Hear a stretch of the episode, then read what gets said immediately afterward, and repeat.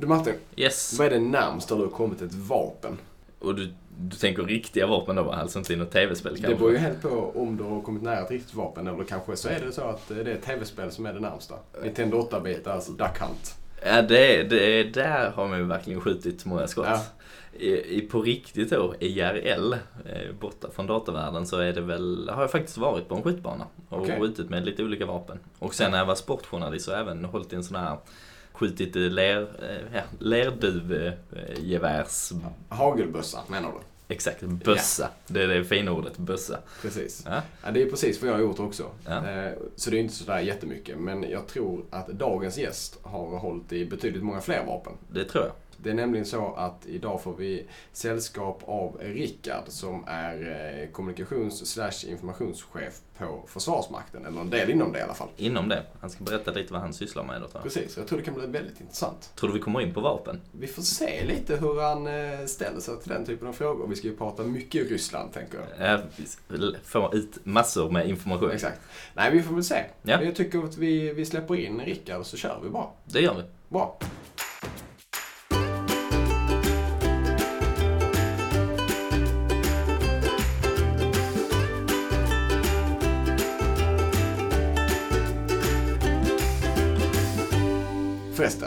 Innan vi släpper in Rickard så var det bara några små saker till. Ja. Hej och välkomna till avsnitt 42 av PR på Svenska. Yes. Podden där vi samtalar med intressanta människor om PR och kommunikation. Ja, det gör vi. Och idag är det alltså Rickard från Försvarsmakten som vi ska snacka med.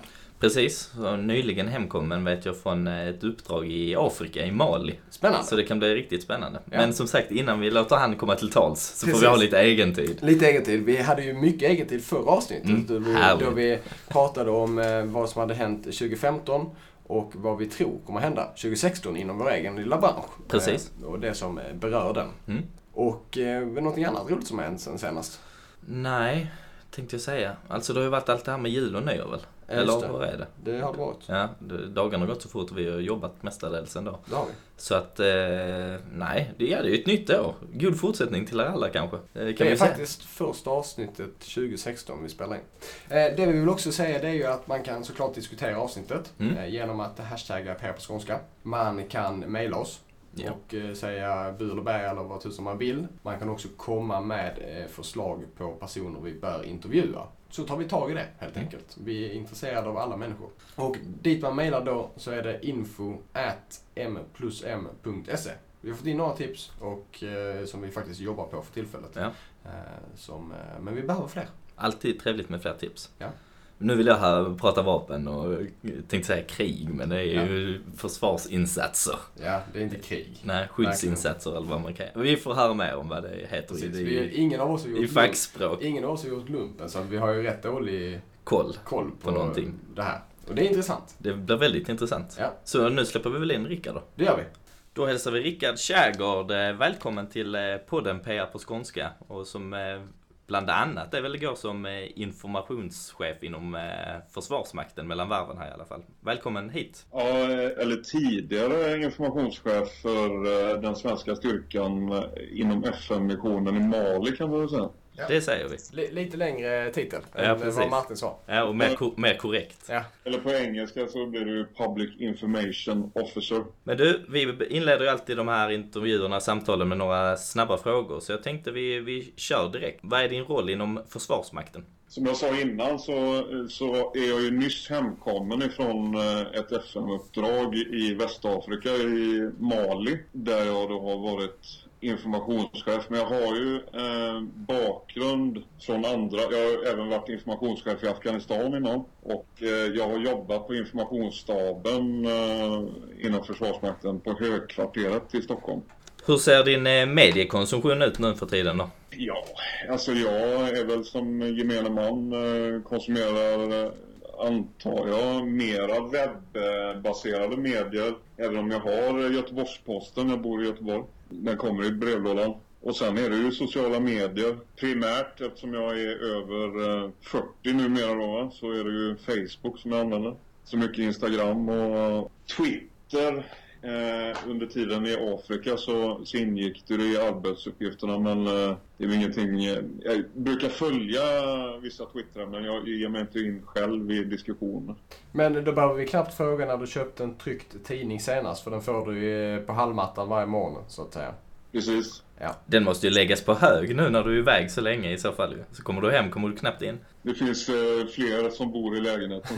Okej då, du löser Du det. tog för givet att han levde ensam. Nej, ja. Du, du ser framför dig någon Hamilton-person här. ja men det, det är ju, Rickard är Hamilton. Ja, okej. Det där lät snarare som att man skulle vara orienterad åt att vara en hoarder. samla tidningar på hög liksom. Du, ditt mest använda sociala nätverk då, blir det också Facebook då som du var inne på? Ja, det blir det. Mm.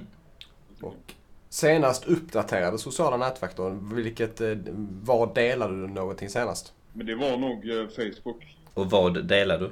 Det var nog från eh, senaste skidresan till eh, fjällen. Ja, men det var väl de korta frågorna tror jag. Det gör du. Vi hoppar direkt vidare då in på att du kan ju få berätta lite mer till våra lyssnare här också. Eh, lite mer om din roll som du har haft där inom eh, Försvarsmakten. Kanske då ditt eh, senaste uppdrag också.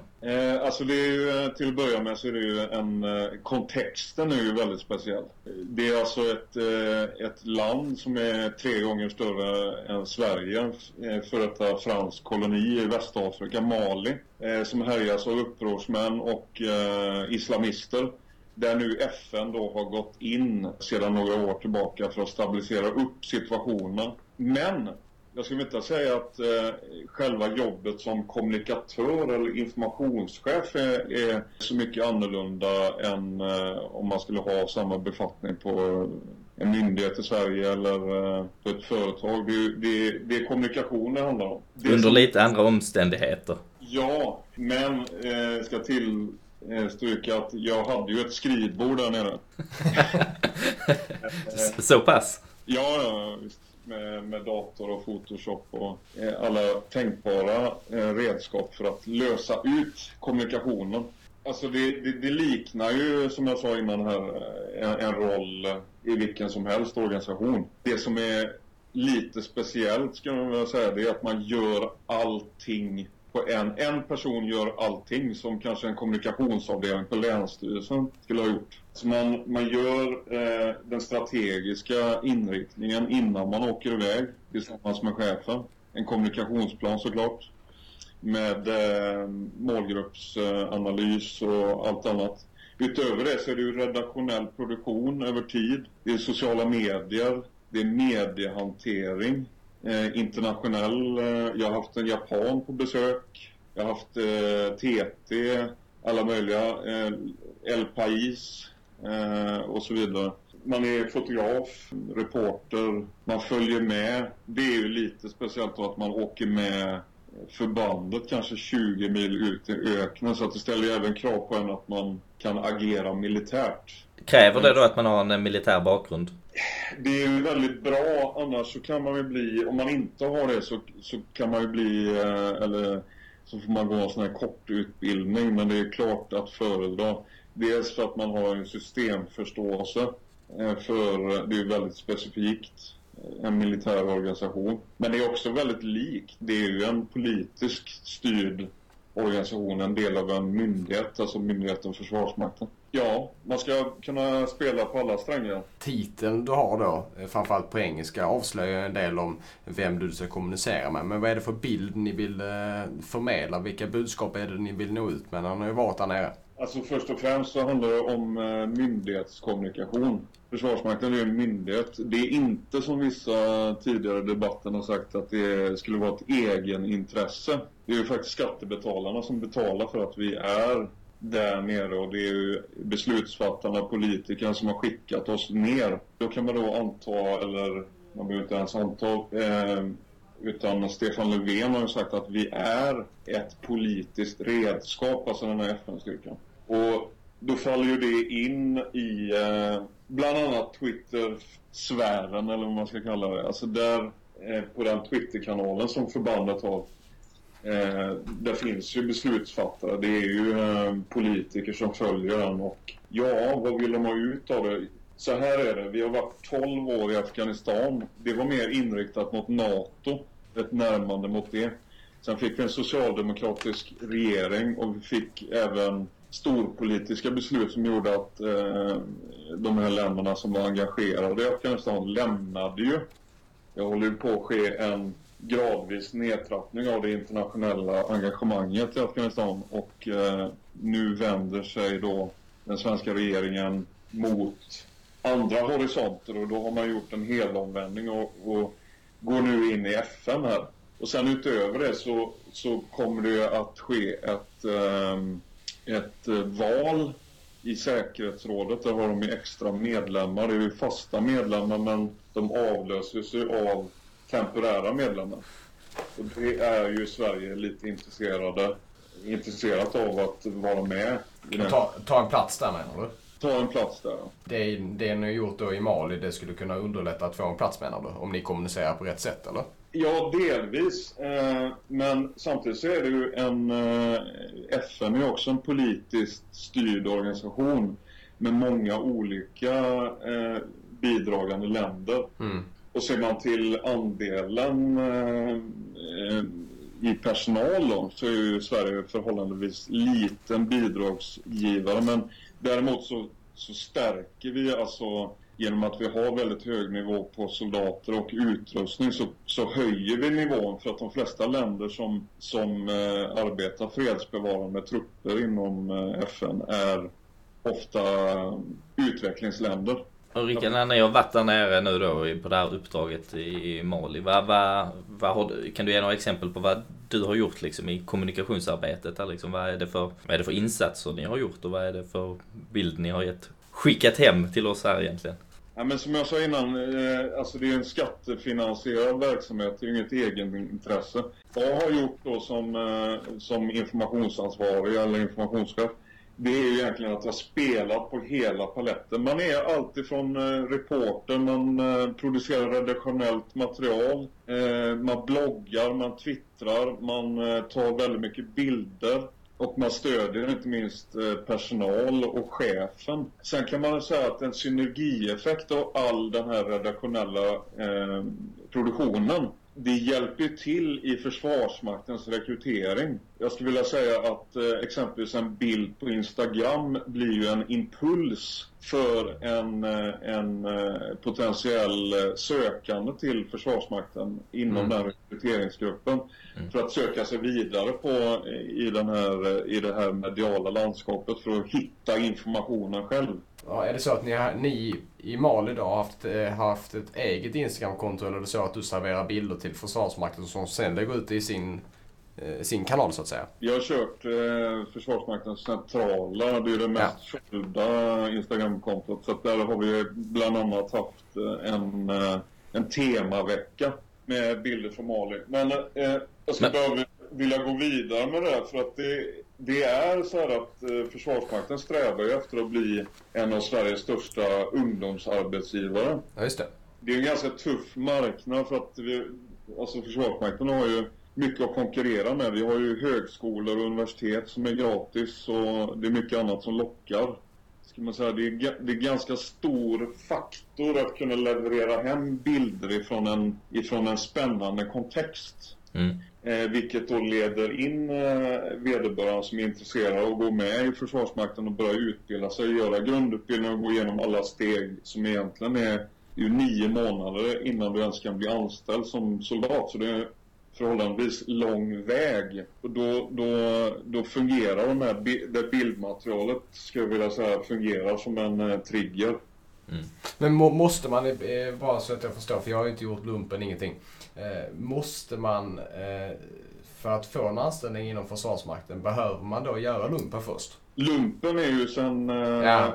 Eh, är ju nedlagd då, värnplikten. Ja. Utan du måste genomföra tre månaders grundutbildning. Ja så väljer du om du vill gå vidare och sen så gör du ett x antal månaders eh, befattningsinriktning. Alltså du blir utbildad till radiooperatör eller vad du nu är eh, liksom utvald till. Ja. Du mönstrar ju först ja, för precis. att se vilka ja, så kallade egenskaper och vad du passar bäst för helt enkelt. Men eh, kan vi få backa band lite bara fråga hur du hamnade där du är idag? Vilken väg tog du för att komma dit och kommit? Nej, men jag eh, har dels jobbat med att utbilda värnpliktiga. Sen har jag gjort en utlandsmission på Balkan som eh, skyttegruppchef. Och sen eh, tänkte jag att det var nog med det och sen utbildade jag mig till journalist och sen så sökte jag faktiskt praktikplatser men då fanns det ju ingenting på SVT eller Sveriges Radio så jag hamnade inom försvaret och sen så det är ju där under praktiken som man bygger nätverk och mm. lär känna folk och på den vägen är det. Liksom. Du, när du är på en sån insats också så sa du att du har haft eh, TT på besök eller liknande. Hur, hur mycket, alltså när vi sitter här hemma i TV-soffan och kollar på att det blir ett inslag från eh, Mali.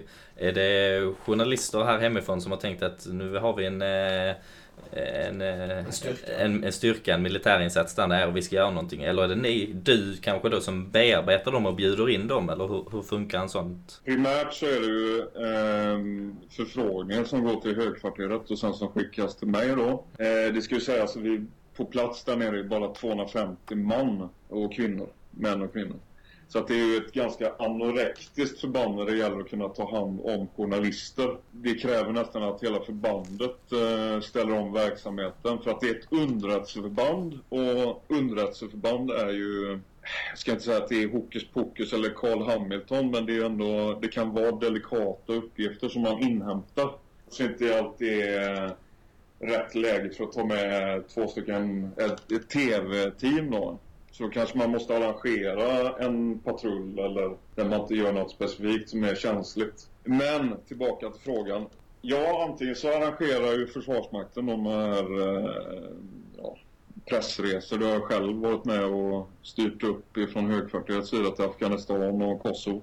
Eller så tar de ju sig ner själva, journalisterna. Mm. Men det är väldigt knepigt i just fallet Mali för att eh, Timbuktu, där vi grupperade, Eh, det ligger ju mitt ute i ingenstans och det är väldigt dåliga kommunikationer. Antingen får man ta sig via floden på flodprom eller så får man chansa på eh, om man kan komma upp med ett FN-flyg och det, det, är inte alltid att om man har biljetten så är det inte alltid att den gäller och kan bli omprioriterad i sista stunden.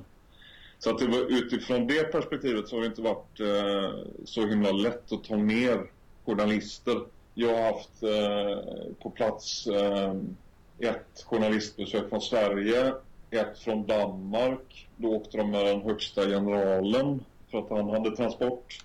Vi har haft eh, spansk tidning, japansk och en tysk. Samtidigt så är man ju inlämnad. Alltså, nu talar vi om Sveriges engagemang i, i det här men vi är ju överlämnade till FN. Därmed är ju också jag överlämnad. Jag ingår i FNs eh, informations informationsstruktur. Till exempel när det svenska journalistteamet kommer ner då. Vad är det du bistår dem med för typ av information och hur, hur hjälper du dem att kunna rapportera därifrån? Det är ju precis som eh, vid, alltså, om man skulle ta journalister till Volvofabriken eller vad som helst. En ett fact sheet, man ser till att kanske skaffa fram eh, villiga intervjupersoner. Det är inte alltid det lättaste i militära system för folk vill inte figurera med namn och vara på bild samtidigt. Alltid. Och eh, man ska till att bädda helt enkelt för kommande verksamhet. Mm. Alltid boende till praktiska, andra praktiska saker och boka transporter ut i området och operativ planering med, och man sätter samman en planeringsgrupp helt enkelt. Ja. Men eh, du sa här innan att innan eh, du åker ner till Mali så, så sitter ni egentligen som jag förstod det på högkvarteret och lägger upp en, en form av kommunikationsplan egentligen på vad det är du ska uppnå när du är där nere. Är det så att ni redan då planerar att ja men SVT ska vi försöka få ner den här omgången? Det, man kan säga att man, man gör en, eh, en, en förplanering eller man man pratar med, med de journalister som vänder. Det är inte, de, de har inte koll på vår, eh, när vi eh, åker ner eller eh, våra förehavanden utan det kommer in kontinuerligt att det är journalister som är intresserade av att komma, komma ner och sen mm. får man ju titta i förbandet om det är all övrig verksamhet, alltså huvuduppgiften är militär så att ibland så blir ju informationstjänsten sekundär fast den politiska dimensionen i Sverige har ju skickat bidraget för att de ser det som ett politiskt instrument.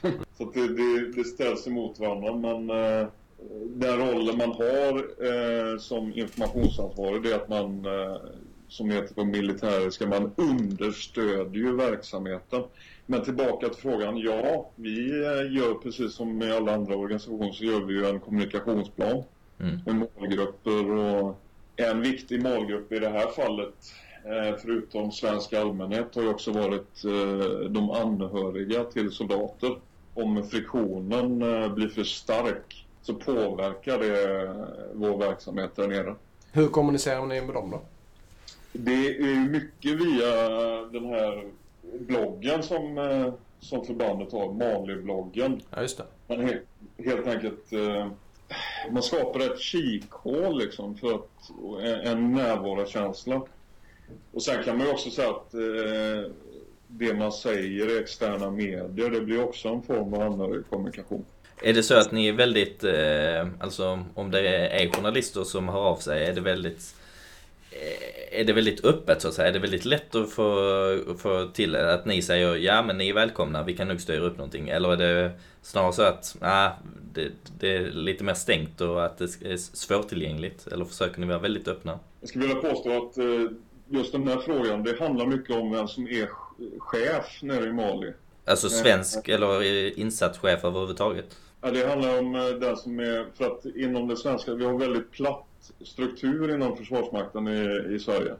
Alltså chefen på plats har väldigt stort, eh, en, en ganska autonom ställning. Han får egentligen ingångsvärden och sen så löser han uppgiften efter eget huvud.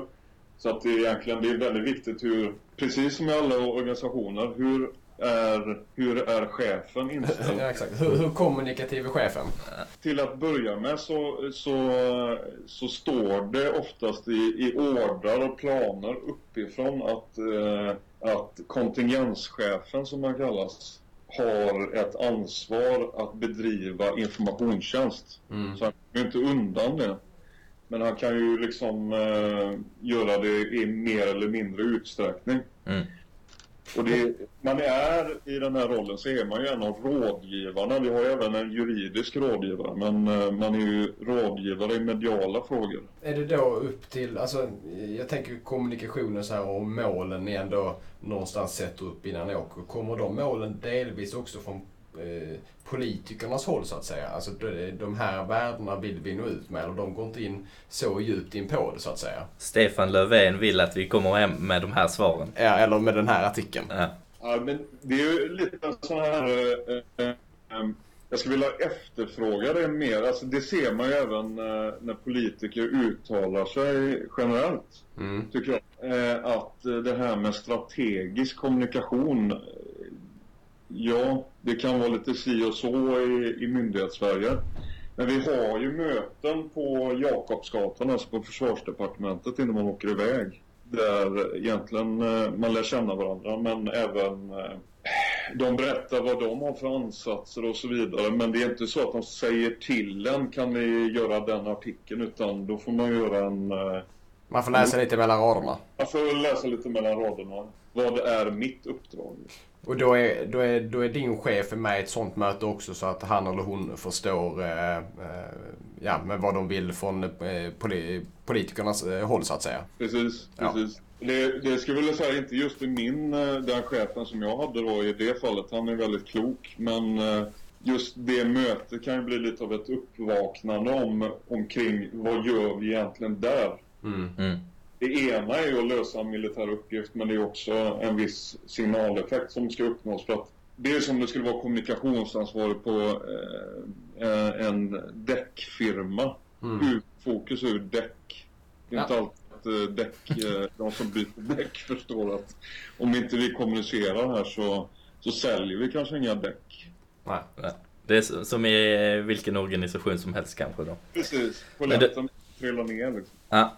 Du, eh, när du då kommunicerar eh, väldigt mycket hemåt och det kanske finns politiska agendor och liknande också. Men kommunicerar du även med den lokala, mot den lokala befolkningen som är där? Man ingår, man ingår i FNs eh, informationstjänst och eh, den är uppbyggd med Det finns en informationsstab på högkvarteret i huvudstaden Bamako Eh, och sen så finns det i de tre olika sektorerna så sitter det informationschefer. Eh, och sen under i den hierarkin så hamnar man ju ganska långt ner då, även om man är där för Sveriges räkning. Så att det mesta av den eh, kommunikationen gentemot lokalbefolkningen sköter ju det här sektorhögkvarteret. Okay. Min roll i det blir ju att hantera bland annat eh, internationella journalister då. Och eh, om det skulle komma förfrågningar från maliska journalister att eh, komma och titta på verksamheten så får man ju bistå. Jag vet inte vad du får berätta om det men låt säga att det går snett. Är det då Låt säga att det händer någonting med en eh, svensk soldat till exempel. Är det då du som eh, informationsansvarig på plats som även tar, eh, tar och kommunicerar det hemåt, utåt och till anhöriga? Naturligtvis. Alltså vi har, det liknar ju också företag eller hur man än gör krishantering. Mm. Och då är det så att vi har ett crisis management team som leds av stabschefen eller översatt till civilspråk kontorschefen eller motsvarande. Ja. Och sen har vi i den här gruppen då så eh, sätter sig eh, stabschef, personalchef och sen har vi även eh, överläkaren och eh, informationschefen. Och sen så lyfter man in eh, andra spelare. Vi har ju, eh, alltså det är som ett litet samhälle i sig själv. Vi har ju till och med en psykolog på plats. Mm. Vi har egen präst. De har ju viss sån utbildning. Och ibland så lyfter man in även eh, folk från eh, den operativa ledningen som att man får överblick om eh, vad som eh, vad som har skett. Har skett. Så det är samma principer kan man säga. Ja. Okay. Har det gått riktigt snett någon gång då? Nej, inte, alltså då, då hade ni ju vetat det om det hade gått riktigt snett. Det går ju inte att dölja saker. Nej men eh, jag tänker kanske ni ska trupperna ska kanske göra någon slags eh, insats och så... Alltså, Martin, du ska inte spekulera. ja, men jag bara tänker eh, rent överlag att om, om den här insatsen blir lyckad så kanske du hade bloggat om att eh, nu var vi ju gjorde den här saken och nu blev det väldigt bra. Men om den hade gått åt skogen så kanske du inte lägger ut det på bloggen helt enkelt. Ja, men det, det är som med all annan kommunikation, det går ju aldrig att ljuga. Nej. Det kommer fram ändå eh, i slutändan. Ja. Man, man, kan bara, man, kan, man kan dock välja att kommunicera och inte kommunicera. Det har man ju sett många som gör. Men förr eller senare brukar ju eh, det komma fram i så komma fram ändå. Exakt. Ibland eh, sätter man sig ner med chefen. Vad tycker du om det här? Och han kanske säger någonting. Jag vill inte gå ut med det här. Nu får du skärpa dig. Det kommer fram i slutändan ändå. Så får man ju vara där som en coach liksom. Ja men det blir ju precis som jag och Martin då jobbar. Vi är ju rådgivare också fast till, till våra kunder, våra eh, företag och organisationer. Så blir ju du en rådgivare till, till din chef där nere såklart. Det är exakt som på ett företag alltså. Det, det påminner mycket om... Eh, ja. Man ska kunna översätta det här direkt till en sån verksamhet. Du, du sa här innan med, just med, med politiken och så. Har det, alltså skiftar det mycket eh, sett till eh, om det är Stefan Löfven som sitter vid makten eller om det är när det var Fredrik Reinfeldt? Alltså, märker du skillnad i ditt arbete? Det är ju så att, eh, och det har de själva uttalat, att de vill närma sig FN mera. Jag menar inom den socialdemokratiska rörelsen så har ju FN stått högt i kurs. Man tycker att det är vackert med fredsarbete och och bilaterala samarbeten inom, under FN-flagg helt enkelt. Så att, eh, men det är inte bara så här att eh, Socialdemokraterna har styrt eh, utvecklingen utan det har ju med att Obama fattade beslut om att hela ISAF-styrkan i Afghanistan lämnade där och att man fick resurser att koncentrera det på andra Kedjeeffekten helt enkelt, eller reaktion. Det är faktiskt, eh, det här landet ligger ju närmare till eh, Europa rent säkerhetspolitiskt. Eh, dels så bedrivs det väldigt mycket smuggling från Latinamerika upp genom den här ökensträckan från Senegal och upp genom Mali ända upp till Medelhavskusten. Och sen är det mycket migranter som rör sig i området som vill ta sig över eh, Medelhavet. Ja. Eh, så att, att stabilisera regionen i sig gynnar ju oss säkerhetspolitiskt, även om vi bara är där med 250 man. Men det är ett av eh, Sveriges bästa eh, och högt, mest högt utvecklade förband. Det är ett underrättelseförband. Ett elitförband ska man kunna säga i, till sin karaktär. Ja. Du, eh, spännande uppdrag liksom när du är utomlands också med, och när du är hemma i Sverige och varit med här också. Så senast jag tänkte på sånt när det varit mediala, eh, vad säger man, när det varit medialt kring Försvarsmakten kanske senast var när det var eh, den här ubåtsjakten. Var du involverad någonting och jobba med det också? Nej, just då var jag inte involverad i detta. Aj, aj, aj. Det var ju synd. Det hade varit intressant annars. Det hade varit Men eh, höra. har du varit med om någon annan eh, större insats i Sverige så att säga? Som eh, kanske fler av lyssnarna känner igen? Ja, jag var väl eh, Försvarsmaktens vakthavande informatör när eh, ja, det sades att ryskt bombplan, ryska bombplan övade, övade eh, fällning av bomber mot FRA. Var det Expressen eller? Ja, det var det. Så, ja, jag har för mig det. Var det, Men det, den, den informationen stämde inte då menar du? Så det får ju andra ex- experter svara på. Det som jag kommer ihåg från det var ju att det, det florerar massa rykten i media som, som liksom inte gick att bekräfta. mm. Det Igår, bekräftar det heller från vår sida så att det var ingen idé att kommentera det.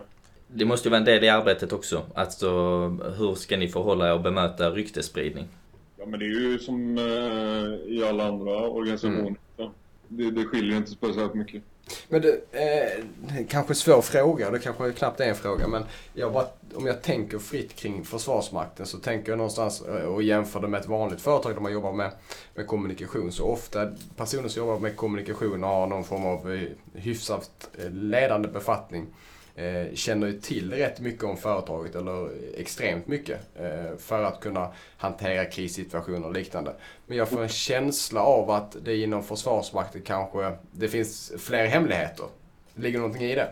Precis tillbaka till det som jag sa innan. Alltså det, det, det kommer ju fram. Det går ju inte att dölja någonting i dagens transparenta. Det kommer ju fram till slut. Så att vi, jag tycker att jag tycker att det är en gammal bild av eh, den här typen av verksamhet. Jag har vi- sett för, för mycket film. myndighet. Du har sett alldeles för mycket. Alldeles för mycket. Ja. Nej men du måste väl ändå, alltså lite, i och med att ni såklart eh, har grejer som är väldigt eh, antagligen hemligstämplade som eh, allt från eh, konversationer till insatser till övningar som inte ska läcka ut någonstans. Så, så måste det ändå vara, vara, vara någonting i det tänker jag. Tänk- Tänker du? Ja. Det- Alltså, men det är ju inte James Bond. Alltså, det, detsamma gäller ju ett företag. Man går inte ut och berättar eh, receptet på eh, julmust. Men man säljer ju julmust. Berättar att det Där dödade du hela en rätt bra mening. Det, det får jag ge dig. Äh, synden då, alltså, eh, ja, man Ja. vill ju, man, man vill och tro att det är James Bond, men det är väl klart att det inte är det, det förstår vi också. Eh, men jag bara, så här att, eh, man ska säga, Försvarsmakten har ju en av de mest drivna myndighetskommunikationerna i Sverige. Om man går in på hemsidan som jag tycker tyvärr för få eh, samhällsmedborgare hittar. För att vi efter värnplikten har vi ju glidit ifrån lite och det är ju där informationstjänsten kommer in för att kunna informera. Men myndighetshemsidan den talar ju om egentligen, eh, nu har det kompaniet varit ute på övning och gjort det. eh, Och så vidare. Mm. Det är väldigt öppet. Det är nästan eh, mer beskrivande än vad Jordbruksverket kan vara mer torrt och knapphändigt. Här är det, det ställer krav på att man kan ta bilder och... Men som jag sa innan också, det utgör ju något slags landskap. Alltså Försvarsmakten har ju till, eh, vi har pratat om en blogg innan här, vi har en hel bloggosfär alltså med, med myndighets eh, eller anställda personer som på eget bevåg kan starta en egen blogg och det är egentligen ingen som lägger munkavle på dem. De går en säkerhetsutbildning från början och de genomsyras ju av detta generellt. Man vet ju, man är ju med på noterna när man går in i den här organisationen. Eh, där är det alltid från ensamstående morsor som är eh, en ensamstående morsa som är anställd som soldat, eh, bloggar om sitt liv och du har eh, upp till informationsdirektören liksom. men vi- vilken, vilken kommunikationskanal är den viktigaste när ni, som när ni var i Mali, enligt dig? Jag skulle vilja säga att det var nog eh, bloggen fast eh, delat eh, med sociala medier. Sammansatt så blev det ett redskap. Så att hade man ett anslag i bloggen och valde att gå ut med den i, på Twitter då når den kanske de som man vill nå, exempelvis som man vill informera om eh, att läget i Mali är fortfar fortfarande oroligt. Det kan vara bra för beslutsfattare att få den informationen. Var det någon gång, jag måste ändå avsluta med det med, var det någon gång du är sån som, för jag antar att du, du som informationsgrej också följer med ibland på när jag kallar det insatser, jag vet inte vad man kallar det, men när det görs grejer för att kunna dokumentera det och kanske så att du har innehåll till din blogg eller tar, kunna ta bilder och liknande. Var det, var det någon gång där som det hettade till liksom? Det skiljer sig lite om jag ska, med risk för att bli lite tjatig, men från Afghanistan ja. som var en fredsframtvingande insats. Mm. Ja. Så åkte vi ut och letade efter buset i området med hänsikt att, eh, att anfalla dem. Här är vi en fredsbevarande styrka så att det blir ju mer att man först blir angripen och sen svarar man. Vi hade turen på vår sida. Det hände ju saker när jag var nere. Det var bland annat, om ni kommer ihåg den här eh, attacken mot Radisson Blue Hotel i huvudstaden. Eh, terroristattack. Vi hade vägbomber som dödade en civil FN-anställd i vårt område. Vi hade sex stupade soldater ifrån vår grannbataljon ifrån Burkina Faso som blev nedskjutna av eh, islamister och så vidare. Men då kommer vi också in på en annan dimension, alltså motståndarsidan här använder sig av samma eh, typ av kanaler. Alltså det mm. finns ju eh, på Twitter, den här attacken mot Burkina Faso-soldaterna när de stupade. Det lades upp en hel film från en Al-Qaida-relaterad grupp efter det som skildrar hela anfallet. Och det var en lite, lite märklig känsla. För då var vi inne i den krishanteringen också och kommunicerade hemåt och vi skickade ut folk, sjukvårdsresurser till platsen och att sen kunna se det här då gick till hur de satt och förberedde det här och den ligger fortfarande ute på Youtube den här filmen. Det är sån kommunikation ni, ni inte skulle gå ut med med andra ord? Det är kanske inte på det sättet, men jag menar Nej. vi ligger ändå ute det ligger ute filmer från Försvarsmaktens verksamhet i, från Afghanistan när vi bedriver eh, fredsframtvingande operationer och så vidare. Men det är ju inte terrorism. Ni hade turen på er sida och hamnade inte i några farliga situationer på det sättet i alla fall? Nej, vi gjorde inte det. Eh, men det, det ska understrykas att det här är ju eh, nu, FNs just nu klassat farligaste FN-insats i världen. Så att eh, det, det hände ju saker i området när vi var mm. nere. Men mm. specifikt för svenskarnas del så, så hände det gudskelov ingenting. Det var ganska kort stund innan jag åkte ner. Då stoppade faktiskt eh, svenska soldater eh, beväpnade fraktioner, dock inte islamister men det är ju upprorsmän eh, som är, finns ute i öknen där och som är beväpnade och de stoppar man från att komma in i stan Timbuktu. Det blir en standoff. Rickard, vi eh, tackar för att vi fick prata med dig här idag i PR på skånska om eh, ja, hur man kommunicerar inom Försvarsmakten och när man är på uppdrag i Mali bland annat. Tusen tack för att du eh, ville vara med. Spännande att höra. Jag fick tillfälle att vara med